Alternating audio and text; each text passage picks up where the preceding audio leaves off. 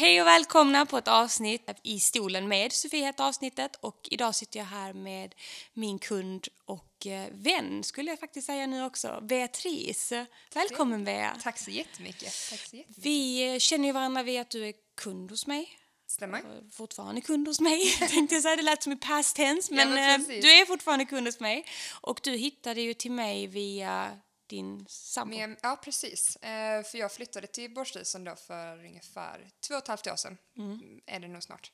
Ehm, och eh, jag kommer från Helsingborg. Jag har inte varit i Landskrona tidigare mycket i mitt liv. Och eh, som tjej då med långt hår så behöver man en bra frisör. Precis. Och eh, då rekommenderar min eh, sambo dig Dig. som världens bästa frisör. Åh, vad roligt att höra. Jag. Men eh, jag tänker du är ju här idag för att prata om en situation som du och din familj har varit med om eh, och som har berört mig väldigt mycket. Mm. Så att jag tänker att du ska få börja berätta för mig och lyssnarna vem du är och Mm. vad du har för historia. Ja, jag är ju idag 28. Eh, kommer ursprungligen från Helsingborg.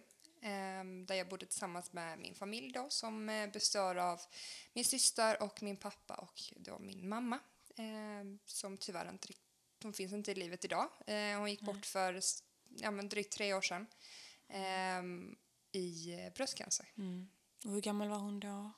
Hon var eh, 55 när hon gick bort och hon, var, hon fick cancern 2005 så hon var 40. Hon var bara Fick cancern. 40, så hon var sjuk länge i bröstcancer. Då. Hon var sjuk väldigt länge. Eh, hon fick första beskedet då 2005. Ehm, och eh, började, hon fick ta bort sitt bröst och eh, så. Ehm, Kommer du ihåg när du fick beskedet? ja, ehm, det, det är ett minne som är ganska klart f- fortfarande. Jag och min syster, hon är fyra år yngre än vad jag är. Ehm, hade då, mamma hade pratat lite så här att hon hade en knöl i bröstet och var, diskuterat med pappa vad hon borde göra och, och så. Och vi sa ju att du måste ju åka in och kolla den.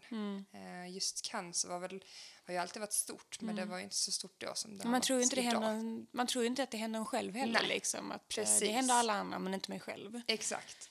Eh, men vi, eh, hon fick eh, det kollat ehm, och ehm, jag kommer så väl ihåg att när mamma och pappa skulle åka in och få eh, beskedet då efter de hade gjort röntgen och så så hade pappa lovat att om mamma nu eh, kommer hem och det visar sig att det inte är cancer så eh, skulle hon få ett par skor som hon hade kollat på väldigt länge. eh, idag säger man typ cowboy boots Mm, ja. eh, något sånt. Eh, och jag och min syster var ute på studsmattan i eh, trädgården och hoppade studsmatta och hade en högtalare bredvid och lyssnade på musik. Och pappa och mamma kommer hem och det första jag ser är när vi kommer in då eh, in i hallen är de här skorna. Så jag tänker, åh, Vad skönt. gud vad skönt, hon har klarat det. Eh, och sen säger mamma är jätteledsen. Och då berättar hon att eh, jag har fått eh, bröstcancer. Ehm, och jag var ju bara 11 år vid Ja. den tiden.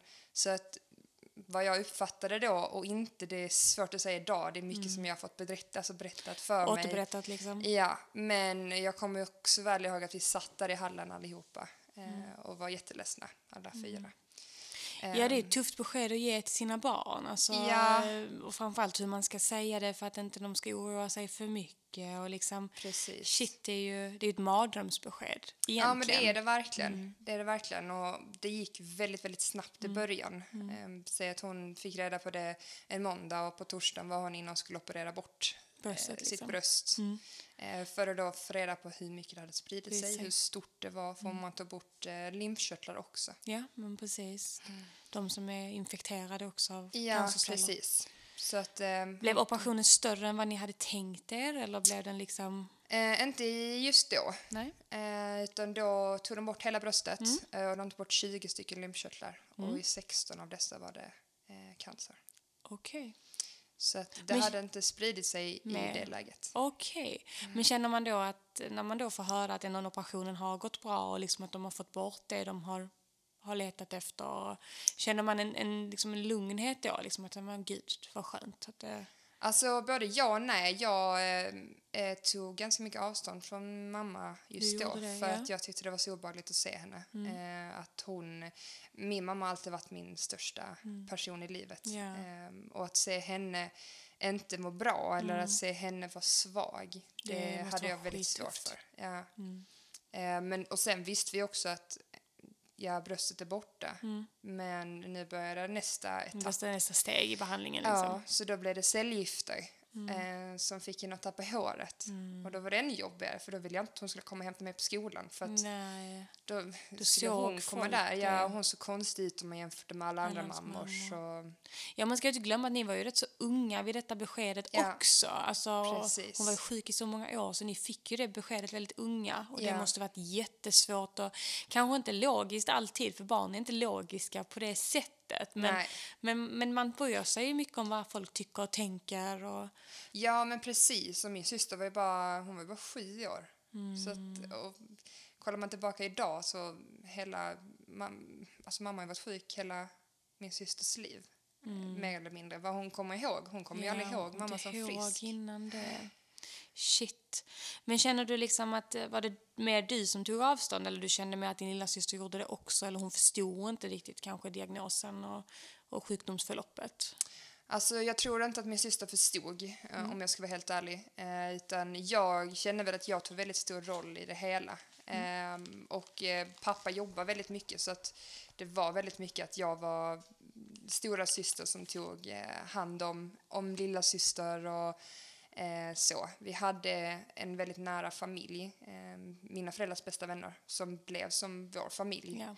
Det blev min extra mamma och min extra pappa. Mm. Eh, och det är de fortfarande. De Ja. har betytt så otroligt mycket. Ja, men de har ju funnits där som en stöttepelare under hela perioden både för din mamma och pappa och även för er. Precis. Ja. precis. Så att vi var ju, har gjort väldigt mycket med dem och umgåtts mycket med dem. Eh, speciellt under tiden då mamma var sjuk. Mm. Nej, nej, men det förstår jag, det förstår jag. Känner du att liksom, hur ska jag förklara, hur ska jag formulera mig, men kände du att det var lätt att liksom prata med vänner om detta, eller det var liksom den här familjen som ni kunde kommunicera med och ha en öppen dialog med? Ja, alltså där och då så var vi ju så små så att eh, det gick inte riktigt. Eh, vi förstod nog, varken jag eller min syster förstod nog inte heller riktigt innebörden av det hela. Vi förstod ju på mamma att hon var väldigt sjuk. Ehm, och att hon genomgick en tuff behandling i form av cellgift. Hon tappade håret, hon mådde dåligt. Eh, och jag har alltid haft svårt att se henne må dåligt för att hon har ju varit min starka punkt. Ja. Ehm, så att jag tyckte det- var väldigt jobbigt att se. Ehm, samtidigt så tog jag väldigt mycket ansvar då för min syster. Ehm, och hon tacklade det lite på ett annat sätt. Vi är ganska olika som personer. Hon är väldigt ehm, introvert och jag är väldigt extrovert. Mm.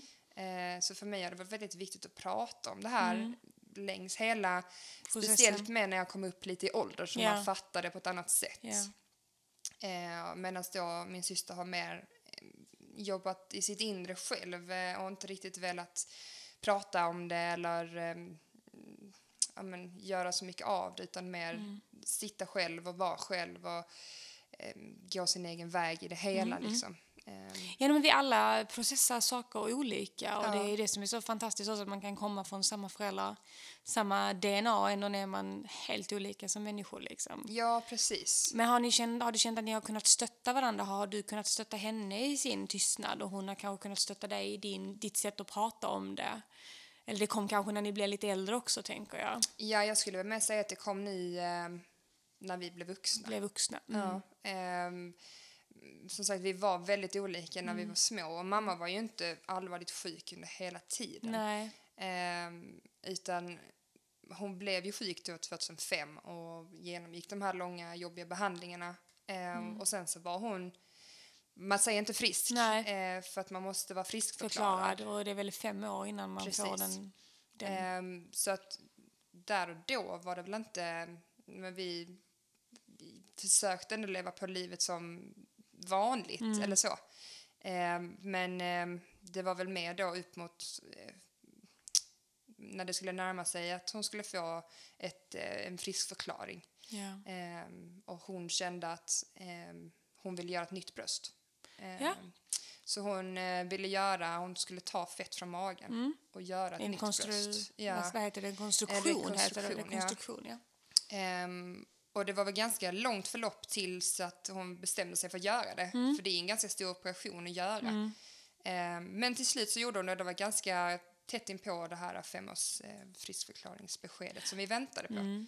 Ehm, och ehm, hon gjorde sitt bröst. Ehm, Mm, hon fick det gjort. Inte. Ja, Och det läkte inte. nej, Var det- varken magen, för man tar ju ett stort snitt från magen, typ som ett kejsarsnitt.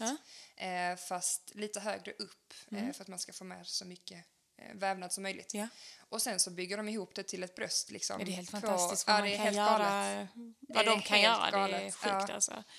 Ehm, Och framförallt kan jag känna för då, eh, människor som har gått igenom detta som din mamma då, med just att tagit bort ett bröst, att det är mycket av kvinnligheten som sitter i de kvinnliga formerna. Hur vi än vänder och vrider på det så är det ju liksom så. Ja. Och då kanske var det ett sätt för henne att känna sig mer frisk också. Att liksom, nu ser jag inte sjuk ut längre. Precis, och så var det verkligen. Att hon mm. kände att hon hade liksom blivit snuvad på det här så tidigt Mm. i sitt liv eh, med sitt bröst och sin kvinnlighet att Mm. hon ville ha tillbaka det. Ja, det förstår man ju. Herregud. Ja. Eh, och det som du säger, lite det här att som du kände att när jag vill inte att hon hämtar mig för folk säger att hon är sjuk så är det ju samma sak för henne att visa sig på, på stranden eller på Precis. gymmet eller var man nu går någonstans och ser att ja, men där saknas ett bröst. Ja. Då blir man ju direkt att nej men åh gud, då, då är hon ju sjuk. Ja. Och Och, är en- Mm. även fast det finns bra komplement eh, så ser man ju ändå att Ja. där är ju inget bröst. Precis, Utan- ja, ja, ja. Så är det ju. Så är det ju. Ja. Så att okej, så hon fick gjort det och snittet och det läkte inte. Nej, det var väldigt svårläkt. Och var det Eh, där ni började tänka att någonting inte kändes rätt eller? Ja, mer eller mindre började väl då. Mm. Ehm, hon var inne på rätt många olika så här, Kontroller. Ja, och fick göra en ny navel för att det låter ju helt absurt att man gör en ny navel, men ehm, i och med att såret på hennes mage det vägrade läka så fick ju de trycka ihop med mer hud. Ehm, Ja, precis. Så att hon fick göra så hon såg ju med facit i hand så skulle hon ju aldrig gjort det där. Eh, för att det blir ju nästan bara värre. Värre. Men hon fick sitt nya bröst och till slut så läkte det efter mycket om och men. Mm. Eh, och då började det växa ytliga knutor i det gamla ärret där de tog bort bröstet från början. Okej. För det låg utanpå. Ja. Så där började det växa ytliga knutor, alltså som bölder. Oj. Ehm, och vi tänkte, gud vad är det här för något? Mm. Eh, och läkarna sa också, "Pff, det här har vi nog, det här är ganska ovanligt. Det har vi inte, har vi inte sett, så sett mycket innan. av. Nej. Eh, men det visade sig att det var ju bröstcancer som hade kommit tillbaka. Det var det. Ja, och den hade legat latent i Okej. huden. Så den hade spritt sig mer än då liksom lymfarna och det bröstet Ja, då? nej inte just då utan den låg i huden. Nej, ja, men precis, den eh, låg latent men att den hade spridit sig under den här perioden då hon hade varit var på Ja. väg att bli frisk. Ja, alltså den var ju bara fortfarande Mm. i bröstregionen Okej. eh, där och då. Eh, så det, det växte liksom i huden Mm. där bröstet hade suttit. Så att man hade tagit bort bröstet och liksom snörvlat ihop huden. Eh, där växte den Mm. Ja, nya ja. cancern. Eh, och detta var 2011. Mm. Ehm, och hon började då igen på, började med vanliga cellgift för att se om det Mm. kunde hjälpa. Ehm, och till en början så hjälpte många cellgiftsbehandlingar Mm. som hon tog. Ehm, och sen så blev det som att kroppen blev immun mot, Cellgifterna? ja, och då började cancern växa igen. Okej. Så till slut så fick hon ta bort sitt eh, Sitt nygjorda bröst. bröst igen. Shit. Ehm, och ehm, började, vi fick ju börja Börja kampen. om igen liksom. Ja, helt Börja från om. början. Kändes det som att hennes, hur var hennes liksom spirit när hon fick resultatet den andra gången? Att nu hade kommit igen? Alltså, Var hon lika kampviljestark igen eller var det liksom ett Ja. litet setback? alltså hon hade ju hon hade inte besegrat cancern en gång, men Nej. Mm. hon hade ändå kommit så långt i sitt, eh, sin, i sitt steg att Yeah. hon eh, var ju nära på att bli För friskförklarad. precis. Ja. Ehm, och ehm, i och med det så kände väl att ja, det, var ett, det var ett bakslag. Ja. Och då hela hennes cancerresa egentligen har bara bestått av bakslag, Bakslag. skulle jag vilja säga. Eh, men att det var liksom, ah, ska vi göra det en gång till? Men samtidigt så hade ju forskningen kommit längre då än vad den gjorde när hon Mm. Innan blev hon från fick den, början. ja. Ja. Och förhoppningsvis så fanns det fler mediciner man kunde testa. Mm. Hon hade en cancersort som heter HER2, alltså det är en hormoniell eh, bröstcancer. Ja. Eh, så hon blev ju då försatt i eh, för tidigt klimakterie. Klimakterie. Mm. I och med att det liksom går på Dra ner hormonerna. hormon, det kvinnliga hormonet. Precis. Eh, så blev ju satt i det när hon var väl typ så här 45-46. Så att hela allt sånt där försvann ju med Ja. kvinnlighet och, och allt sånt. Men då, var det, då fanns det inget annat alternativ. Nej. Nu skulle vi ju få bort den här jävla skitcancern liksom. Mm. Shit. Ehm, men ja, så vi började liksom med nya cellgiftsbehandlingar, ehm, nya strålningar, eh, tog bort bröstet och Och det satt bara fast liksom i det, den sidan som hon hade haft det från Ja, början. då under hela den det. det. var bara då, okej. Ja. Ehm, och ju mer vi testade, desto färre alternativ fanns det kvar eftersom hennes kropp svarade med att liksom blockera cellgifterna. Eh, så hade vi liksom inte så jättemånga alternativ eh, att gå på. Ja, shit. Och jag kommer så väl ihåg när jag fyllde 20 att ehm, nu skulle hon ligga på sjukhuset. Liksom. Precis när jag skulle fylla 20 så låg hon på sjukhuset. Och Jag kunde, nu när jag ser tillbaka på det så många gånger har jag ju blamat henne för att hon inte varit med eller hon har mått dåligt Ja. när jag När har du velat skulle, ta mitt. precis, liksom. du skulle leva ditt liv liksom. Ja. Så att, eh, ja, nej, jag, jag, jag tror så, ja, men så här, jag tror att man... Eh, det är lätt alltid att titta tillbaka. Ja. Vad could've, should've, would've. Liksom. Man, det, man, är, man är barn och jag tror att man måste ge sig det att du, du, ni var unga när ni fick beskedet. Och Ja. det finns ingenting som... Ni hade förmodligen inte betett er annorlunda Nej, det tror inte alltså, jag heller. i en annan situation. Utan ni var barn som fick ett besked att mamma var sjuk. Och Ja. Det passade inte just när du skulle fylla 20 och skulle Nej, fira det och man ser fram emot sin 20-årsdag. Ja. Så det passar liksom inte. Och det, jag menar, i det stora helheten så kan jag tänka mig att en Ja, men lite dåligt samvete. Att fan också, hon var ju sjuk nu när man är äldre. Man ja, förstår men det. Men ja, alltså. Jag tror, jag tror inte jag har svårt att säga att en förälder inte förstår det. De har Nej. också varit unga. De har Ja, men precis. unga. Och det är ju väl livets gång också. Att Så är det. man, ska, man har de här milstolparna i livet. Man tar studenten, man fyller 18, man fyller... Mm. Ta sitt körkort. Ja, tar körkort, man fyller 20, man ska eh, på första fyllan. Alltså sådana Ja. här saker som man ska gå igenom. Ja. Och då vill man ju ändå ha någon som, som stöttar och finns där. Ja, men mamma blir ju... Alltså jag tror så här, mamma är ju sjukt viktig när man föds. Liksom Ja. Den första perioden så är mamma allt. Och sen så Ja. helt plötsligt behöver man liksom skapa sin egen identitet och en egen vilja. Och då, då är lite, mamma lite jobbig. Ja, liksom, fan, nej, men är du precis. jobbig, liksom. Ja. låt mig vara lite. Och sen kommer man upp i tonåren där ingen fattar den. Och hormonerna är all over the place. Och ingen fattar liksom att du känner som du gör. Och, och då tycker man de är skitjobbiga. Exakt. Och sen så när man kommer liksom upp däremot, ja, jag ska säga 22 och lite närmare 30 så bara shit mamma. Ja, Mamma liksom. Så är då det ju. är det ju. så är att, det ju. eh, nej, men jag förstår det helt och hållet. Och, så att då var, blev hon sjuk igen och Ja. genomgick allting och då fick ni ett besked senare att cancern hade spridit sig då. Ja, eh, vi fick väl, eh, det var ju eh, i början på, som, eller början på 2019. Mm. Eh, då var cellgiftsbehandlingarna som fanns för hennes cancer, de fanns, De inte fanns mer. inte kvar längre. Nej, de var Nej. slut. Vi hade gått igenom allting. Eh, och all typ av strålning och allting. Så det fanns något nytt då som hade kommit som heter immunterapi. Mm. Eh, och det fick man göra uppe i Göteborg för det fanns inte här nere. Ehm, och ehm, vi började med det då. Mm. Efter sommaren skulle man börja med det så att Ja. hon var tvungen att ha uppehåll från sin vanliga, hon, hon hade ett par tabletter som hon alltid gick på Mm. eh, som var liksom så här underhållande tabletter.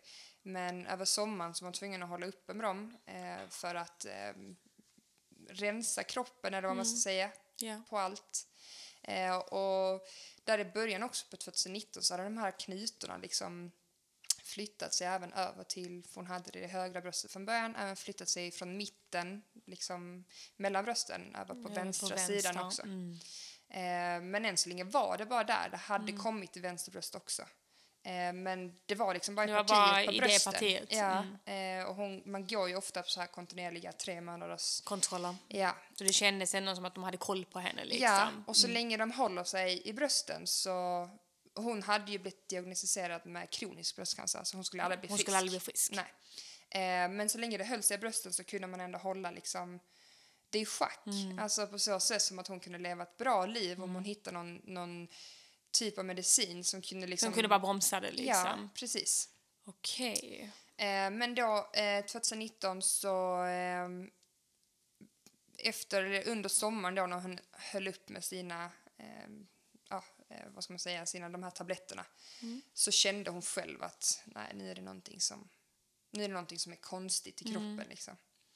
Eh, Jag kommer så väl ihåg att jag och eh, min före detta kille vi var i eh, Grekland eh, i augusti. Och eh, jag pratar med mamma när vi är där. Eh, Vi pratar, jag och mamma pratar pratar varje varje dag. dag. Mm. Ja, alltså så. Och jag känner, jag hör på hennes röst att det är någonting som Som inte det låter konstigt. Du låter konstigt, du, du låter inte som du brukar ja, göra. precis. Har det hänt någonting liksom? Och eh, sen när vi kommer hem ehm, så ska hon in på en röntgen här i Landskrona faktiskt. Mm. Ehm, och när jag hämtar henne hemma så är hon så, alltså hon är så kastskick så att eh, Oj, och då har du Hon- inte sett henne innan Nej, alltså jag hade ju sett henne innan eh, på sommaren då. För hon hade börjat få lite så svullet på halsen Mm. typ. Eh, och hon hade börjat få lite vätska i sin arm. Mm. Eh, och bli lite svullen liksom på, på ena sidan. Och när jag kom hem så det har ju fullständigt exploderat. Wow. Ehm, och eh, hon hade ju börjat få de här immunterapin. Mm. Ehm, I Göteborg då? ja, men det har ju inte hjälpt liksom. Och ja, i alla fall, vi kör in till Landskrona här för hon ska på en röntgen här och när jag kommer och hämtar henne sen så kan hon knappt andas. Så jag har nog aldrig kört så snabbt i mitt liv in till akuten i I Helsingborg. Helsingborg. Ja. Och ehm, droppar av henne där med logistiken liksom. Vi har hundar hemma. Eh, Ja, hos shit, mamma och pappa hade hundar, då ska man fixa det. Min syster får komma och ta dem. Pappa är iväg. Alltså, ja, det var mycket logistik men Mm. hon kom in på akuten. Och eh, väl inne på akuten så sitter jag med henne. Detta var ju innan covid och allting Ja, så man fick vara med. Ja. Ehm, så ehm, kommer det en läkare då som eh, vi ber kolla på de här bilderna snabbt. Eh, som hon har då precis, Mm. precis tagit. fått liksom, ja. Mm. Och han säger att nej men jag ser ingen, jag ser inte att det är någon cancer som har spridit sig utan det är nog vätska du har. Och du har vätska i lungan, du har rätt mycket vätska i lungan men jag kan inte se vad det, vad det beror på. Mm. Och min största dröm är att bli ambulanssjuksköterska. Ja. Så jag har lite så här vätska i lungan, alltså vätska överlag. Det är inte bra. Nej, det bildas av någon form av typ tumör. Mm. Och ha vätska i lungan eh, är aldrig positivt. Nej. Ehm, så jag tog väl lite det han sa med en nypa salt. Att, Nej, det kanske inte Nej. jättebra det här ändå. Nej. Man såg ju på mamma, hon var väldigt svullen på halsen. Hon hade väldigt knöligt liksom på, på sidorna ehm, och hade då jättesvårt att andas. Ehm, hon läggs in eh, på sjukhuset eh, och ehm, jag går och jobbar eh, dagen efter. Och ehm, vi har ett event på jobb Mm. Ehm, och eh, mitt på det här eventet så eh, ringer pappa och säger att ni måste komma till sjukhuset nu. Och jag bara, ja. Jag bara, ja, man tänker ju det värsta Ja. i sådana Jo, situationer. men så är det ju. Och då har en läkare varit inne hos henne Mm. utan att någon av oss har varit där och liksom sagt att eh, din cancer har spridit sig i, i lungorna, Mm. eh, du har den i hjärtsäcken, den är uppe i halsen. Eh, vi kommer att avsluta behandlingen. Du That's it. skämtar. Hon var helt själv. Och var så här, när vi kom dit, alltså det var, vi kollade Ja. på alla sätt hur man skulle anmäla den här läkaren. För att ett sånt besked ger man inte till någon som är så, Aldrig, och aldrig Nej. själv. Och, aldrig själv. Det är fruktansvärt. Ja. Eh, så detta var ju precis i början på september. Mm. Eh, och ehm, jag har många gånger under mammas cancer ganska, blivit ganska manisk. Alltså Mm. så här att jag ska få min mamma frisk. Jag läser på av Mycket, mycket. Man blir expert på det området. Ja, liksom. alltså verkligen. Jag letar efter... Eh, jag kommer ihåg någon gång jag mejlade upp till Karolinska för att vi skulle få en second opinion. Mm. Eh, och det fick vi. Eh, bara såna här saker att Mm. man blir liksom galen. Och där och då blev jag, jag blev helt galen. Mm. Alltså, jag var inte på jobbet, eh, jag sov typ inte. Nej. Det enda jag gjorde var att jag googlade på hur man skulle, Blir av. ja, hur man med naturen kunde läka cancer. Mm. Så att jag eh, åkte och köpte aprikoskärnor. Mm. Eh, vad det nu skulle vara bra för, det vet jag inte. Eh, minns så väl att jag hittade hampa. Ja. Eh, har ju bevisat ska vara bra mot, mot sådana saker, speciellt Yes. mot smärta och, Smärta. och så. Mm. Eh, och eh, fick tag på en, en snubbe som sålde hästhampa. Oj! Ja. Jättesjukt. Ja. Men beställde hem en hel kartong av detta Ja. eh, till ett postombud. Hämtade ut detta på postombudet och sen sätter det i bilen och så ska jag bara gå upp till, till lägenheten innan jag ska köra hem henne till mamma och pappa. Och när jag kommer ut i bilen igen, alltså jag blir nästan hög av den här doften. Det luktar så mycket weed så att det var helt galet. Det Shit. var ju liksom inte det här weedet som folk och Nej, blir röker för att tända på, liksom. liksom. Men eh, det, ja, alltså Det är ju ändå en speciell doft. Ja, ja. Det Det, det. luktar så mycket weed. Så när jag kom hem med det till pappa så eh, han tyckte ju först jag var helt galen. Mm. Eh, men vi eh, köpte fläktar och la det nere i källaren med fläktar och så här för det skulle liksom torka och Ja. vände på det rätt ofta. Och, ja, jag höll på med så mycket saker. Hon skulle dricka sellerijuice. Jag köpte en eh, juicemaskin till henne. Mm. Selleri skulle rena kroppen. Ja, det var så mycket saker och jag såg ju bara på min mamma att hon blir bara Sämre och sämre och sämre. Ja, alltså det blir ju lite som man blir, som du säger, det är ju inte ovanligt att man blir manisk. Nej. Och eh, har man då haft en i sin familj som har varit sjuk så vet man ju själv om, eller obotligt sjuk liksom, och vet ju om liksom, man, Ja. liksom, man har nog aldrig velat någonting så mycket som att bara få en människa frisk. Nej. Det är så sjukt. Alltså skulle jag kunna önska någonting alltså, i hela världen så är det att få tillbaka min mamma. Mm. Ja. Det hade varit min absolut högsta Ja, önskan. shit. Det, Men eh, ja, nej, jag fortsätter mitt, med mitt eh, maniska beteende Mm. fram till i eh, början på oktober någon gång kanske. Mm. Eh, jag fyller år i mitten på oktober. Och på min födelsedag så inser jag nog att det här kommer inte gå. Nej. Jag får nog eh, lägga av liksom. Mm. Och den här immunterapin har ju inte gett något den, eh, resultat då. Nej, den avslutar de ju då med då Med på sjukhuset att vi avslutar all behandling. Det finns ingenting mer att göra. Det är liksom... Eh, Jag får gåshud när du säger det. ja, vi, de började med... Eh, satte in ASIH, akutsjukvård i hemmet. Mm. Eh, så att hon behövde inte ta sig någonstans. Vad och det är liksom... Ja, men det är liksom hospice. Ja, alltså det så, blir det hemma, I liksom. slutskedet, ja. Jag kommer så väl ihåg, jag och min syster var uppe på... Det är Kungshult i Helsingborg Mm. som har det. Eh, och eh, vi var där på besök med min moster. Mm. Ehm, och de gick igenom då slutskedet i livet. Mm. Och eh, jag och min syster frågade en sjuksköterska där, är det någon som har blivit frisk från att ha haft ASIH? Alltså som den här akutsjukvården och hemmet har varit, Mm. om någon har blivit frisk från det. Så nej, vi har inte varit med om det. Så att, och sen sa de att de kan ju vara olika lång tid. Mm. Eh, vissa har de behandlat i flera månader och vissa har de bara varit någon vecka. Någon Det vecka. är väldigt, o, alltså väldigt individuellt. Ja, precis. Man kan inte sätta någon liksom, en Nej. tidslinje på det. För det är det du Precis. får, det är det du får. Ja. Ehm, men eh, så de kom eh, helt fantastiska. Alltså Mm. verkligen helt fantastiska. Där är en som bor här precis vid oss i Borsthusen. Och Camilla heter hon och hon eh, hade precis börjat sin... Eh, hon hade jobbat eh, som eh, ja, men, någon, någon form av eh, sjuksköterska tidigare. vården, ja. Eh, ja. Och eh, sen då mm, skolat om sig till att bli ASIH-sjuksköterska. Mm. Eh, och det var hennes mamma var typ hennes första patient på ASIH. Wow. Och hon, är, alltså hon var guld. Hon var så himla bra och vi har kontakt med henne än idag. Wow. Så att hon har vi också väldigt mycket att tacka. Mm, eh, för att den allt. sista tiden kanske ändå blev trevligare. Precis. Om man ska säga så. Men eh, så vi firar min födelsedag Mm. i oktober. Ehm, och eh, mamma kom och hälsade på i, i lägenheten. Eh, det var väl knappt hon orkade, men hon gjorde det för min skull. Ja. Ehm, och eh, sen så var det en lördag jag och mamma, på, jag och mamma skulle vara själva på kvällen. Mm. Ehm, Var det långt ifrån din födelsedag detta eller? Eh, detta var veckan innan hon gick bort. Veckan innan hon gick Ja. bort, ja. Ehm, då skulle jag, det var typ en och en halv vecka efter min födelsedag. Okej. Jag fyllde 14 oktober. Mm. Ehm, och då skulle jag vara själv med henne en kväll. Ehm, och ehm, jag hade ju kört på med mitt du ska inte äta socker, du ska inte äta någonting. Mamma älskar såna här äh, släta bullar. Eh, hon älskar eh, gröna grodor. Alltså såna här äh, gelégrodor och fiskar och det är hennes absoluta favorit.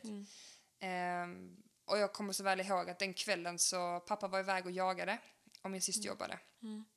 Och jag köpte en stor godispåse med hem för jag tänkte att nej, det, nu, nu skiter vi i detta Ja. mamma. Nu lever vi Nu lever vi den det. sista stunden liksom.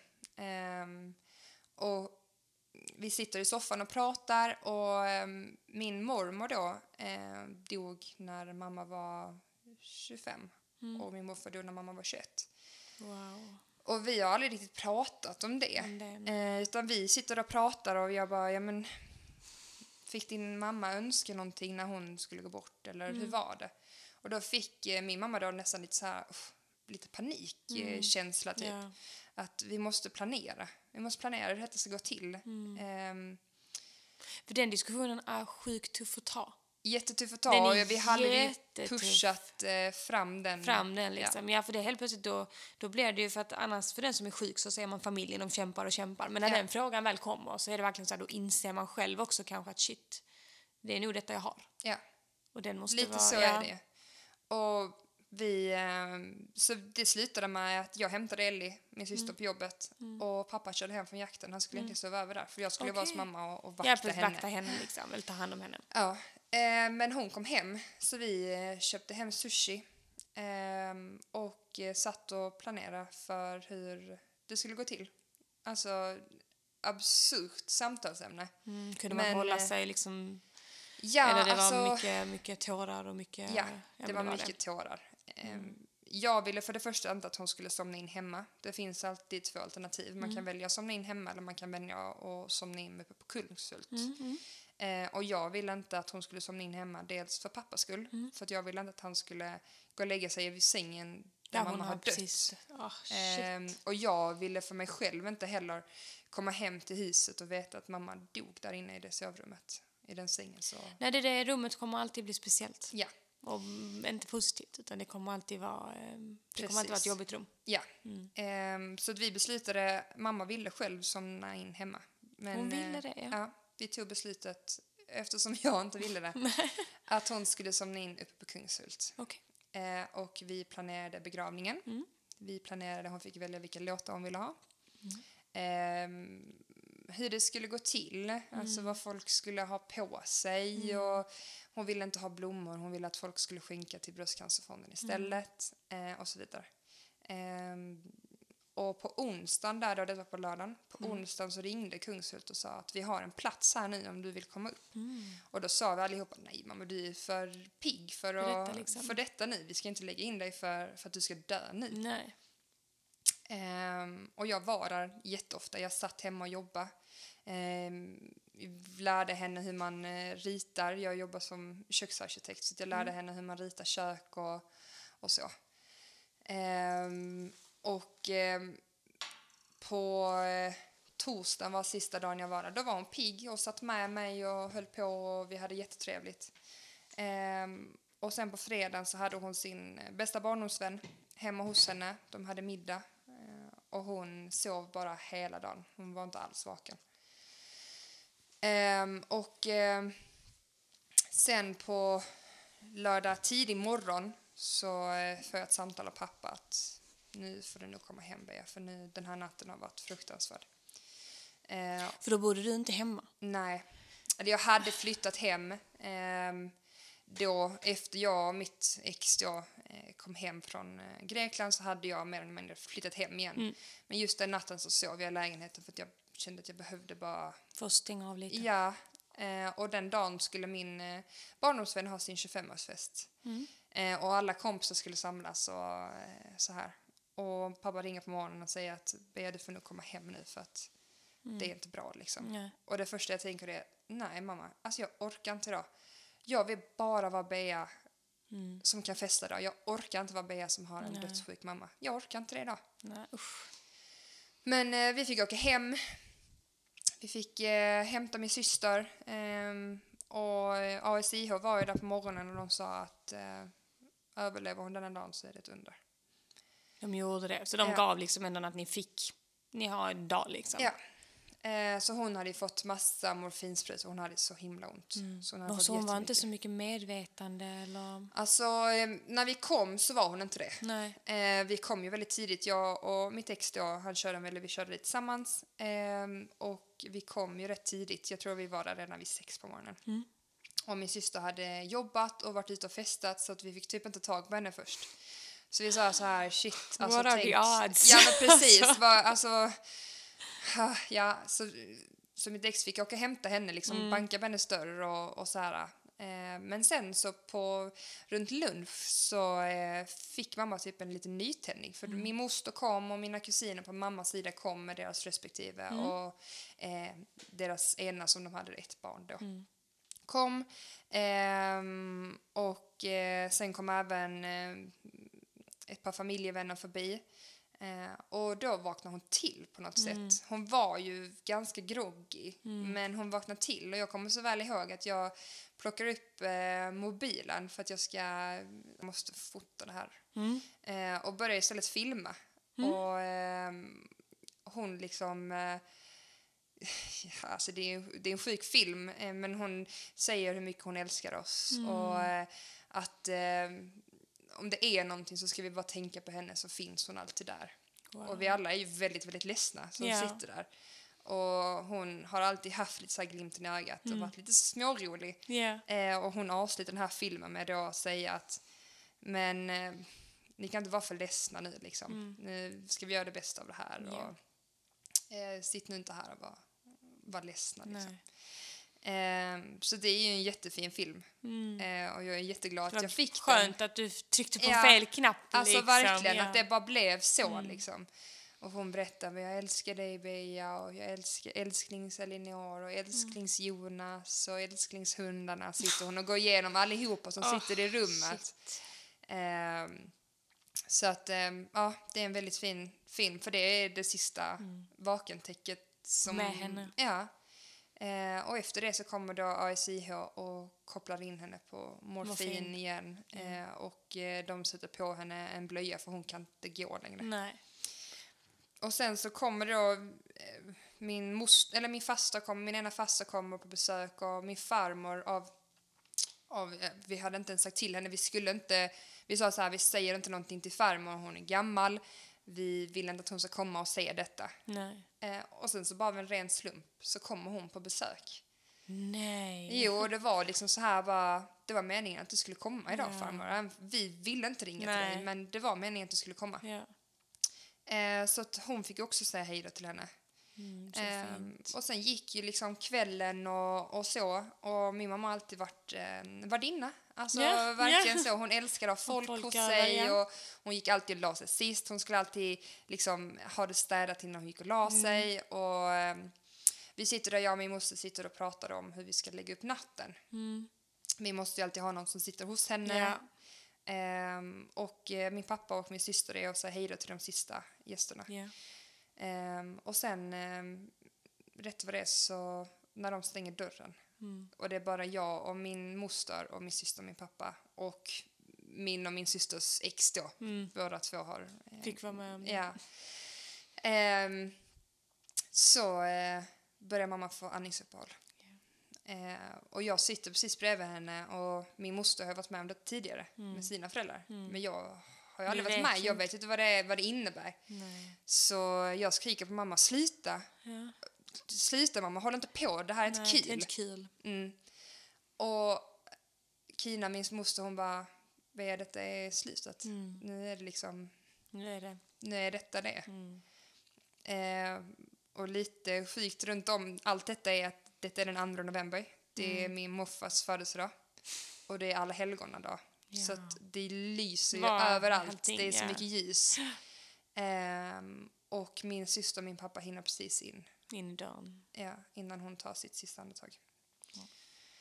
Så 2011 somnade hon in på kvällen efter alla precis hade gått hem. Alla hade gått hem. Och det blev ju hemma. Det blev hemma. För att hon, eh, de sa i SIA på morgonen att det är inte humant att flytta henne nu. Nej, Så att jag fick ju bara ta du det. fick bara ta den. Ja. Ehm, och lite så här som jag mycket funderar på innan jag var med i den här situationen är att men om någon dör hemma, kommer en sån här likbil då?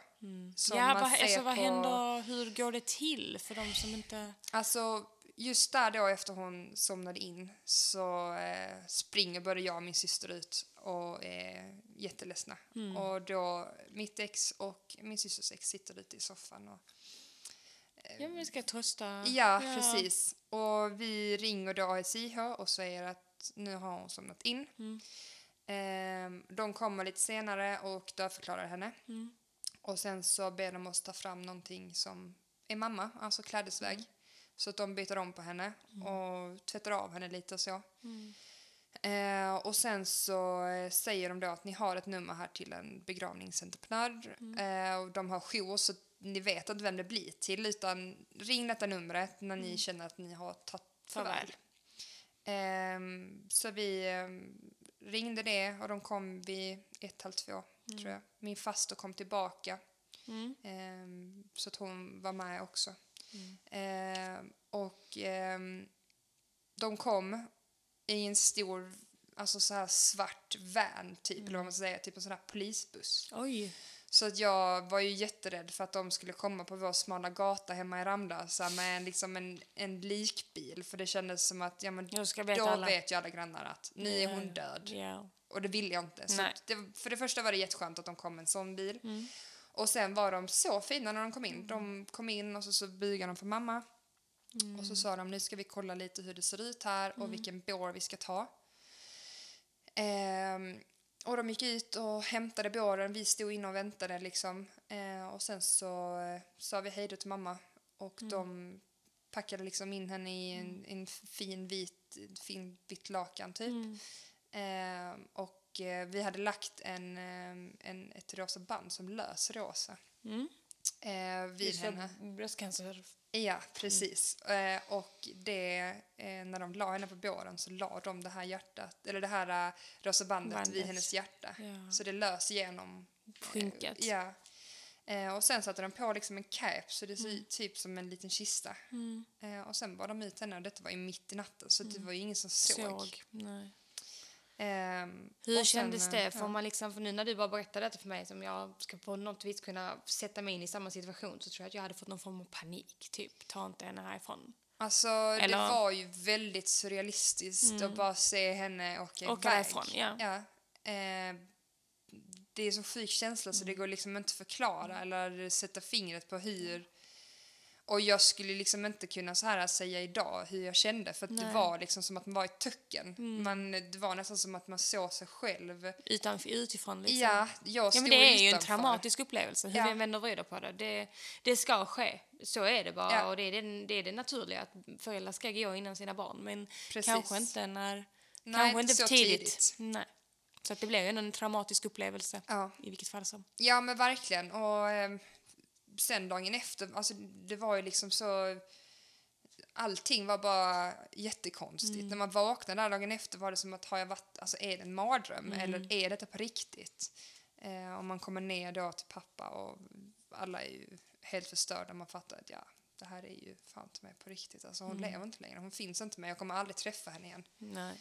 Ehm, så att, och sen var det liksom igång med att man skulle planera begravning. Eh, hon ville väldigt gärna vara i Rauskyrka. Eh, hon hade sina låtar hon ville att vi skulle ha. Eh, hon ville ha livemusik. Eh, så att vi uppfyllde alla hennes önskningar. Eh, och eh, hon fyllde Rauskyrka. Hon gjorde det. Folk fick inte plats att sitta. Eh, och för de som har varit i Rauskyrka, det är en väldigt stor kyrka. Det är det. Ja, men de var, vi var 300 pers. Wow. Ehm, så det var väldigt speciellt och vi bad om att det inte skulle komma så mycket blommor. Det var Mm. jättemycket blommor men det har ändå kommit in, jag tror det är, jag tror det är närmare 200 000 kronor som har Det kommit in i mammas namn. Ehm, wow. Så att, ehm, Men det visar ju att hon har berört människor.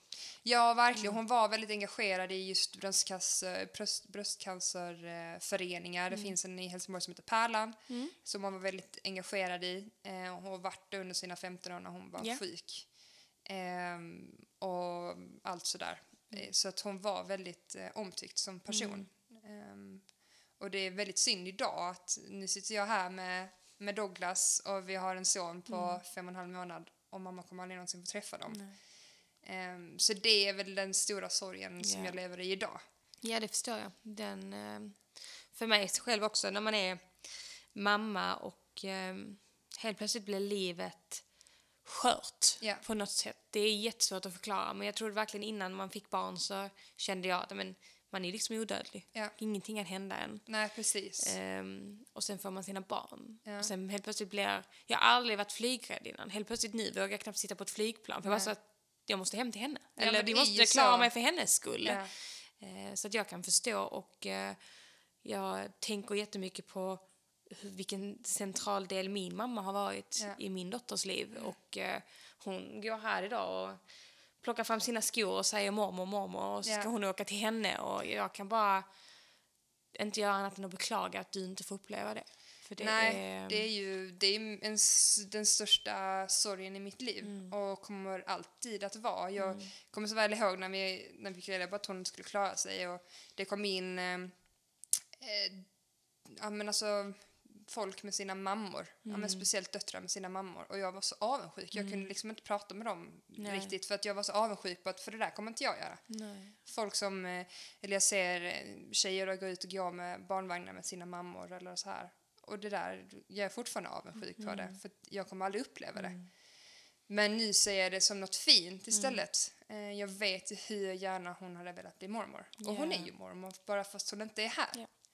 Det är ju vi som håller dem, dem levande genom Ja. vad vi pratar om med våra barn. Och just eh, min mormor som gick bort och min, ja, framförallt min mormor då som gick bort när eh, min mans mormor, alltså nu är jag gammelmormor, så blir jag ju så, nej men det är du inte. Nej. Alltså min mormor är hennes gammelmormor, Ja. du blir ju gammelfarmor då för att allting på min mans sida är ju farmor. Ja, men precis. Och det var verkligen så viktigt för mig. Bara, nej men du är inte gammelmormor. För min mormor finns Ja. fortfarande för mig. Och så länge hon gör det så kommer min dotter veta vem det är. Och det var så viktigt för mig att hon ska veta om att hon hade haft världens bästa gammelmormor. Ja, precis. Alltså- Och det är ju så. Idag eh, håller vi på, eller vi har fixat en låda hemma Mm. hos pappa. ehm, där det ligger mammas saker, mammas parfym, mammas glasögon. Men sådana saker som verkligen eh, påminner om mamma. Mm. Ja.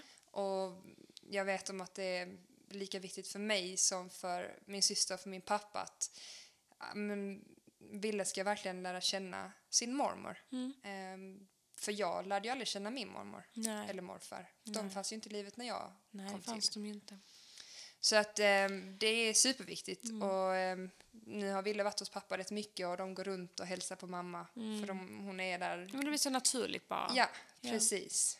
Och som sagt, det är ju vi som håller dem levande. Och ja, nej, fan, livet är svårt och livet är jävligt orättvist. Och Ja. ibland, jag kan tänka mig när man varit med om något som du har varit, att bara så här, men allting sker av en anledning. Det finns Ja. fan ingen anledning med detta. Alltså, man Nej, kan inte, man kan inte hitta inte det.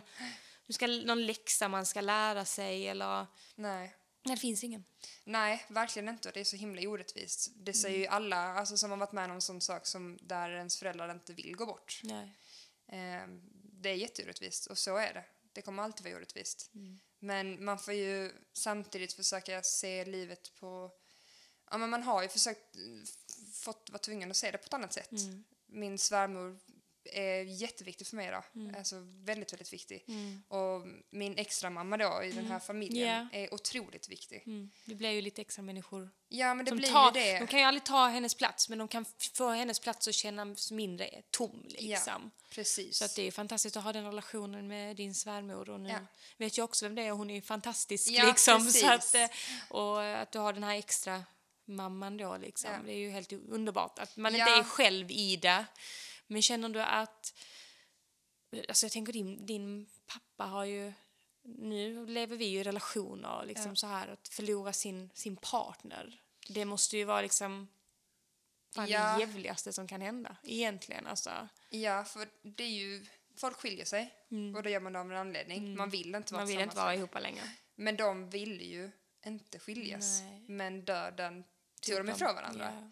Ja. Ehm, det tog rätt lång tid för pappa att liksom så här... Eh, hittar sig själv igen. Mm. Ehm, och, men samtidigt så har de pratat om det. Vi har ju vetat att hon inte skulle klara sig för alltid. Mm. Länge. Ja. Men vi trodde inte att... Det skulle gå så fort. Nej, det gjorde vi inte. Samtidigt så, när hon blev sjuk så hade hon ju en jättedålig prognos. Det var inte säkert att hon skulle leva de här fem åren Nej. som hon gjorde. Så att både, vi har haft henne väldigt länge, men för oss väldigt kort tid. Ja. Ehm, och, men man har ju hittat, mamma skrev väldigt mycket och jag har Mm. hittat böcker där hon har skrivit att jag hoppas att Jonas hittar någon annan som han kan Mm. leva resten av sitt liv med och jag vill verkligen att han ska göra det. Mm. Och idag har jag hittat en tjej som är helt fantastisk. Wow. Och hon Hur var inte... det känner jag? Alltså, så här, det är ju någon annan som kommer in i Ja, alltså hon är väldigt bra för hon inkräktar inte på Mammas. på mammas. Utan hon är väldigt nyfiken på att veta Mycket och om. höra om mamma och höra om hur pappa och mamma var för att hon förstår att de har ju levt ett helt liv tillsammans innan. Ja. Och de har inte, mamma finns inte kvar. Det finns Nej. ingenting att vara avundsjuk på eller Nej, nej, nej, nej. Hon är död, hon kommer aldrig någonsin tillbaka. Utan, Kanske bara respektera att det Ja. är så. Och att det, som du säger, det är ingen tävling. Jag tror att när många vet om att det inte är en tävling så slutar man försöka tävla också. Ja, liksom. precis. Utan då, då blir det bara viktigt för henne att visa för er att ja, men, jag finns här. ja. Jag håller mig på min, min stol liksom, men jag finns här för er. Ja, Och det är och ju hon- jättefint. Ja, hon är jättebra. Hon har ju barn på, på sitt håll med, sitt, Mm. med sin före detta som dock är i livet. Men de har en jättefin relation Mm. eh, och det är vuxna barn, det är inga liksom, småbarn. Nej. Utan hon är helt fantastisk. Hon är jättebra och jag vet att min mamma hade älskat henne om hon hade funnits. Wow. Eh, så att hon har ju räddat pappa. Mm. Eh, för att han har, inte, han har alltid varit alfahane. Han skulle aldrig vara ledsen. Han skulle Mm. Nej. alltid vara stark och aldrig visa sig svag. Men efter mamma dog så... Eh, det var väldigt jobbigt att se honom. Ja, men jag, tror att, jag tror att man blir... Jag tror man blir halv. Ja, men det blir man Jag nog. tror man blir halv. Jag tror aldrig att... Eh, alltså som sagt, även om det kommer in någon som fyller upp den här halvan så jag tror aldrig man blir hel på Nej. samma sätt igen. Nej, de hade ju levt... De träffades... Eh, ja, de har varit, varit tillsammans i 30 år. Så de har levt halva pappas liv tillsammans. Ehm, och nej, jag tror aldrig man kan bli Hel igen. hel igen. Det Nej. tror jag inte. Man kan säkert fylla andra tomrum som har skapats. Ja. Men du kan aldrig bli hel igen ehm, efter att ha förlorat Någon. din älskade. Ja, men älskade liksom. Ja. din, din, din hälft Ja, liksom. precis. Så är det ju. Och, precis. det, den, den, den tanken är ju så surrealistisk. Att Ja. eh, det ska hända en själv liksom. Precis, man kan ju bara se tillbaka på sig själv. Ja, Tänk om nej, man nu skulle förlora Sitt, sin, din man eller jag skulle förlora Douglas. Mm. Alltså, jag kan liksom inte ens föreställa mig hur det skulle kännas. Nej, jag tror, inte, jag tror inte man kan sätta sig in i den förrän man är där. Nej. Och all, all cred till dem som som sagt tar sig ur sängen igen Ja. och bara så här, våga lita på att kärleken finns. Precis. Kanske inte i samma utsträckning, men den finns. Ja, men varför ska exakt. Man, och jag, jag förstår ju, jag har kunnat skämta med Martin om det. Liksom. Nej, men om, om jag skulle dö innan dig, jag jävlar om du hittar någon ny liksom. Eh, men jag tror liksom i, när man väl är i det så känner man nog att men jag vill ju bara att du ska vara lycklig. Ja, Och tänk att sätta sig ner varje kväll och äta mat ensam. ja precis. Och, och inte ha, för jag menar ni lever ändå era liv och det ska ni göra men han lever ju, han blir ju ändå kvar i det på ett helt annat sätt Ja. när man är den som har förlorat Ja, den andra precis. hälft. Som Det, det här med semestrar och ja. eh, det här med att leva pensionen tillsammans. Det, är det man sparar för, det man lever för. Och så bara, det finns inte kvar. Nej, och vi har ju alltid varit väldigt täta i vår familj. Alltså vi är Nära, väldigt tajta. mm. Ehm, och haft väldigt mycket traditioner. Mm. Alltså så, det har liksom varit, eh, det ska vara gåsamiddag, då ska man göra så här. Alla vet liksom i familjen Ja. hur det ska gå till. Ja. Vi är stor släkt. Ehm, och sådana saker. Så att alla sådana saker har också varit konstiga. Mm. Att, jaha, nu ska man göra detta för första gången utan mamma. Ja, nu ska man göra detta. Och många gånger så tror man ju att det blir lättare. Mm. Och i viss mån så blir det det. Mm. För nu har du gjort julafton. Nu är detta fjärde julafton utan mamma. Mm. Och nu har man gjort julafton men samtidigt så är det så här, ja men det kommer ju aldrig bli bra. Nej. Det blir lättare men det kommer aldrig bli bra. Nej.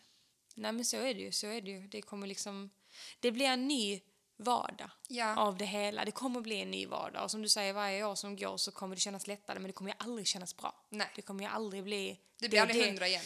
Ja och det, kommer, det kommer du säkert märka nu när det är Villes första jul. Att man Ja. känner att det är något som kommer alltid saknas. Ja. Och det ja, livet är lustigt. Livet är... Ja, verkligen. Och jag kan, jag är alltid så, jag tycker om att se positivt i negativt ändå, men liksom så här, vilken fantastisk mamma du hade. Ja, Tänk på de människorna som aldrig har ens det lilla engagemanget som din mamma har gett, precis. gett dig. Det är fantastiskt. Ja, det är Eh. helt underbart och det är så kul. Min syster är så otroligt lik min mamma. Wow. I allt, alltså Mm. i utseende, hur hon är De är otroligt lika. Hon lever ju kvar i den, Ja, i den biten. Och jag eh, kan nu känna liksom nu, precis som när man har fått sina, sina egna barn, liksom så här att tänk, tänk om det kommer en liten bit av henne, eh, någonting i, eh, i personligheten eller Ja. någonting i, eh, jag vet till exempel när eh, min farmor gick bort och så har jag alltid hört att hon var så, min pappa var så lik henne. Ja. Min pappa var en kopia på henne. Och det märkte jag när jag klippte min pappa efter min farmor hade gått bort. Så bara shit, ni har ju samma ögonparti. När man står och rakar bort långt hår i ögonbrynen så bara wow, ni, är precis, ni ser precis likadana ut. Ja. Eh, och samma när min faster skulle betala, helt plötsligt bara, men ni har ju samma fingrar. Ja. Alltså det var så sjukt hur mycket man lade märke till detaljer när de inte finns kvar mer. Och eh, framförallt min dotter då som en kopia på min pappa, att bara, men då har hon ju någonting från min min farmor i sig också för att de var ju så lika. Så att de här, de lever ju kvar på något sätt i våra, våra små jag tycker det, det, det gör det levande igen. Jag tror vi alla kommer gå igenom den här typen av situationer och förhoppningsvis inte så ungt som, som ni var eller så Nej. traumatiskt som ni var. Eh, Men, men jag tror att man, man lär sig hitta positiva vägar från det ändå. Liksom. Ja, för det är ju så, som vi sa innan, att man är, det är skapt att vara så. Det, Mm. Så det är är ju det. naturens gång. Och alla kommer ju gå igenom det. Om du känner, jag tänker om du känner efter nu, finns det någonting som du hade önskat att din mamma hade gjort annorlunda? Nej, Nej. det tycker jag inte. Ehm, nej. Nej. Vad skönt. Vad skönt att känna och liksom lägga det locket på och känna Ja. att men, hon gjorde allting hon kunde och Ja, gjorde ni hon. fick höra allting ni ville. Ja, det gjorde Och, hon. ehm, Och sen med facit i hand, så ja, hon skulle inte gjort den här rekonstruktionen. Nej. Skulle hon inte. Men det kan man inte göra någonting åt. Det är Nej, gjort. Det är gjort, det är gjort. Och man vet ju inte heller så här om hon inte hade gjort den. Där Nej. kanske kommit tillbaka ändå. Ja. På något annat sätt. Eller så. Jag vet inte. Nej, nej, det är klart. Det är klart. Man could have, should have, would have. Man, Ja. man har ingen aning. Ehm, och nu, nu låg detta i korten för er. Och det, det blev vad det blev liksom. Ehm, jag tänker, jag har ju rätt så många som jag vet faktiskt går igenom lite samma sak som du gör nu. Har du några tips som man kan liksom förmedla ut till dem om ja, men vad, hur man ska vända sig, hur man ska tänka och hur, hur går livet framåt för de som sitter där nu och bara ser liksom, det är bara mörker? Alltså mitt... Eh, mitt... Det jag tyckte hjälpte mig mest är ju att prata om det. Och prata om det med folk som du tycker om. Mina kompisar har fått höra den här historien men så himla många gånger och de sitter fortfarande och är intresserade när jag vill prata om det. Eh, och det är jätteviktigt för det är en jättestor Det grej blir lite för mig. terapi Ja. för dig också. Det är en jättestor grej och många är så här, orkar du prata om det? Ja, det är klart att jag orkar prata om det. För att samtidigt som jag bearbetar det så kommer jag på nya minnen med mamma och nya saker. Att jag liksom så här... Du återupplever det. Ja, precis. Även fast det varit hemskt så har vi ändå varit igenom en väldigt lång resa tillsammans. Ja, alltså jag måste säga det. Jag, jag är djupt imponerad av dig. Jag har suttit här och tittat lite åt sidorna och känner att tårarna kommer och du känns så, du känns så lugn i det. Alltså, Ja. så lugn. Även om jag förstår och jag ser på dig ibland att man blir lite så här, åh gud, det, detta, denna biten är jobbig. Ja. Så ser jag, du tycker det är fantastiskt. Alltså att du Ja. kan vara så stark i det. Ja, och det är, vikt, ja, det är en viktig del att man ska, för mig. Och sen så hanterar min syster det på ett helt annat Ja. sätt. Det tog lång tid, efter mamma gick bort, så tog det lång tid innan jag och min syster pratade om det. För att det var så, Det var så- där var det infekterat. Ja, Eh, det är klart det blir. Det du hanterar på ett sätt och hon hanterar på ett annat sätt. Ja. Och ingen sätt är fel. Utan det är Nej. bara att man ska lära sig att leva i samharmoni Ja, med den andras läkeprocess. Precis. Och idag är det liksom min syster är min absolut bästa vän idag. Vi pratar varje dag. Jag skulle vända mig till henne om, om allt. Mm. Om allt. Ehm, men där och då när hon precis hade gått bort så var det verkligen att Då insåg man också att man är väldigt olika. Ja, man är väldigt olika. Mm. Men och är det någon som känner att de vill ha stöd och råd av mig så är det bara att höra Mm. Hör av av sig. sig. Mm. Ja, verkligen. Fint för att, av dig. För att någonting som jag tyckte var väldigt skönt, jag hade en killkompis som förlorade sin mamma, eh, också i cancer. Mm. Hon gick bort bara några månader innan mamma gick bort. Eh, och för mig som har ett extremt kontrollbehov så var det väldigt skönt att veta liksom, Hur går det till? Ja, berätta allt. Jag vill veta allt. I detalj vill jag veta hur detta gått till. Hur ska jag göra nu? Ehm, I den här, när hon är i detta skedet. Vad betyder detta? Mm. Ja, men så man blir lite mer, för jag tänker så just att man kanske inte är, när man är barn, får liksom den här insikten i någons sjukdom på samma sätt, utan man försöker skydda barnen så mycket som möjligt. Så det, det, det har inte hänt och ta det lugnt. Och, eh, därför kan det ju vara jättebra, precis som du säger, då, att man får den tips och råden från någon som faktiskt har genomlevt det och inte bara någon som, som läkare som säger så detta är detta och så kanske lite väl okänsligt då i många fall för att de ser Precis. det så mycket medan detta är hela din värld men för Ja. dem är detta ett rum i korridoren. Exakt, Så exakt. att, eh, nej men det tycker jag är jättefint. Så att jag kommer ju tagga dig i denna storyn Ja. och jag kommer tagga dig på Instagram. Så att som sagt, är det någon som känner att de behöver lite extra stöd så finns Bea här för er och kan ge er den erfarenheten hon har. Som Precis. Mm. kanske kan bli er erfarenhet också. Så det är ju fantastiskt. Eh, Gud, wow. Tack för att du har velat prata med mig om detta idag. Ja, detta är själv. Så själv. kul och så viktigt Ja. på så många plan. Ja. Så att jag är jätte, jättetacksam över att du har tagit dig tiden Ja. att komma och sätta dig här Ja, med mig i jättekul. mitt lilla vardagsrum. Ja, men jättekul. Och det viktigaste är ju att man går inte igenom det själv. nej, Alltså gör inte det, för det blir inte bra. nej. Du är inte så stark.